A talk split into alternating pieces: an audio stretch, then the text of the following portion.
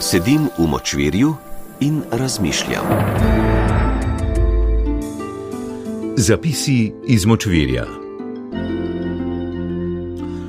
Pa ste cimo nov krok usmiljanja in pomilovanja. V novo leto smo vstopili z velikim pokom. Za bolj občutljiva ušesa je bil na las podoben tistemu, s katerim se je pred nekaj milijardami let začelo vesolje. Le da se je vesolje začelo z enim samim, novo leto pa z več manjšimi, ampak akumulacija pokanja je približno ista. Z letošnjim pokanjem smo na simbolni ravni sočustvovali z Ukrajinci, kjer pokanje doživljajo vsak dan v letu. Še več, kot v Ukrajini smo tudi v mirnodobnih razmerah Srednje Evrope na račun pirotehnike pridelali smrtno žrtev. Skupil jo je mladenič pri naših severnih sosedih, z njim pa še nekaj dlani, prstov na roki in podobnih malenkosti. Je pa res, da v prazničnem času o pirotehniki redno teče beseda približno že tako dolgo, kolikor smo člani razvitega sveta. Na tem mestu bi se moral nergač v nas pridušati, kako da država ne poskrbi za omejitev pokanja in ognjemetov, ki da so dokazano škodljivi. Predvsem za fauno, za ozračje, pa tudi za del populacije, ki se jim zdi pirotehnika civilizacijsko nesprejemljiva. Ampak država je resnici na ljubo preklemansko reč precej dobro regulirala. V večini trgovin je te izdelke ne mogoče kupiti, v prosti prodaji jih skoraj ni, a kljub temu uvoz pirotehnike po dostopnih podatkih dosega astronomske zneske. Po podatkih iz predkoronskega leta 2019 smo jih uvozili za 2 milijona evrov in pol. Je pa v nekaterih sosednjih državah prodaja pirotehnike povsem prosta, tako ob uradnem uvozu pride k nam še na tisoče izdelkov kot posledica črnega trga. Če hočeš pokati, boš pokal. Ognjemetarji in njihovi nasprotniki so se v Sloveniji, tako po slovensko, razdelili na pol. Tudi na občinski ravni. Slovenske občine so se ognjemetom v glavnem odpovedale, razen seveda v prestolnici, je bil pa tamkajšnji ognjemet ekološki, kar pomeni, da je nad glavami ljubljančanov raznašalo biorazgradljive materijale. Ampak ti institucionalizirani ognjemeti tako ali tako niso aktualni že nekaj let.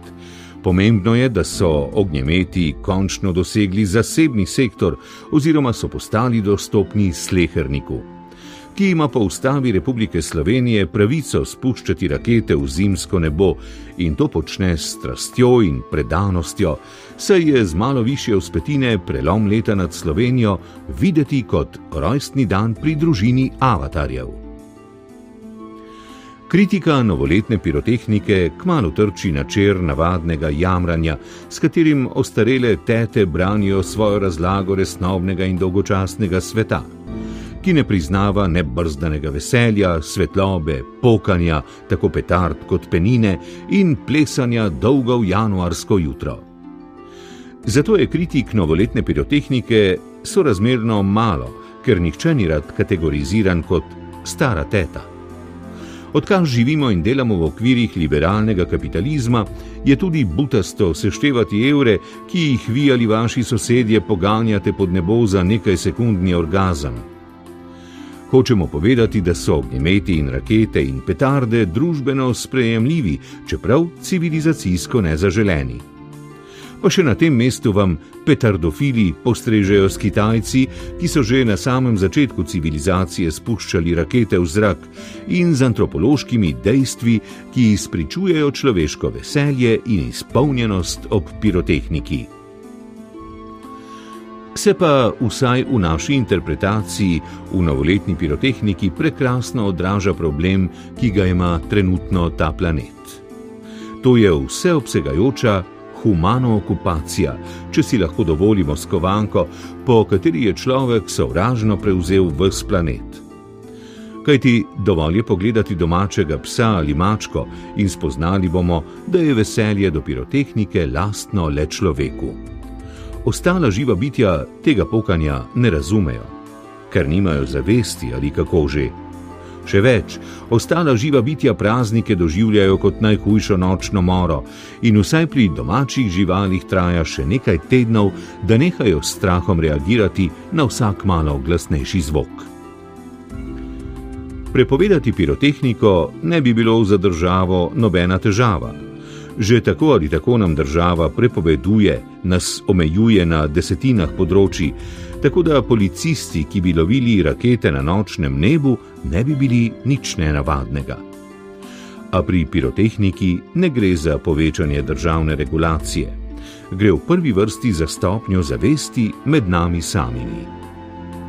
Kako se mislimo v dobro planeta odreči recimo fosilnim gorivom, če se ne zmoremo v dobro planeta odreči pol sekundnemu poku in nekaj sekundni živopisni svetlobi?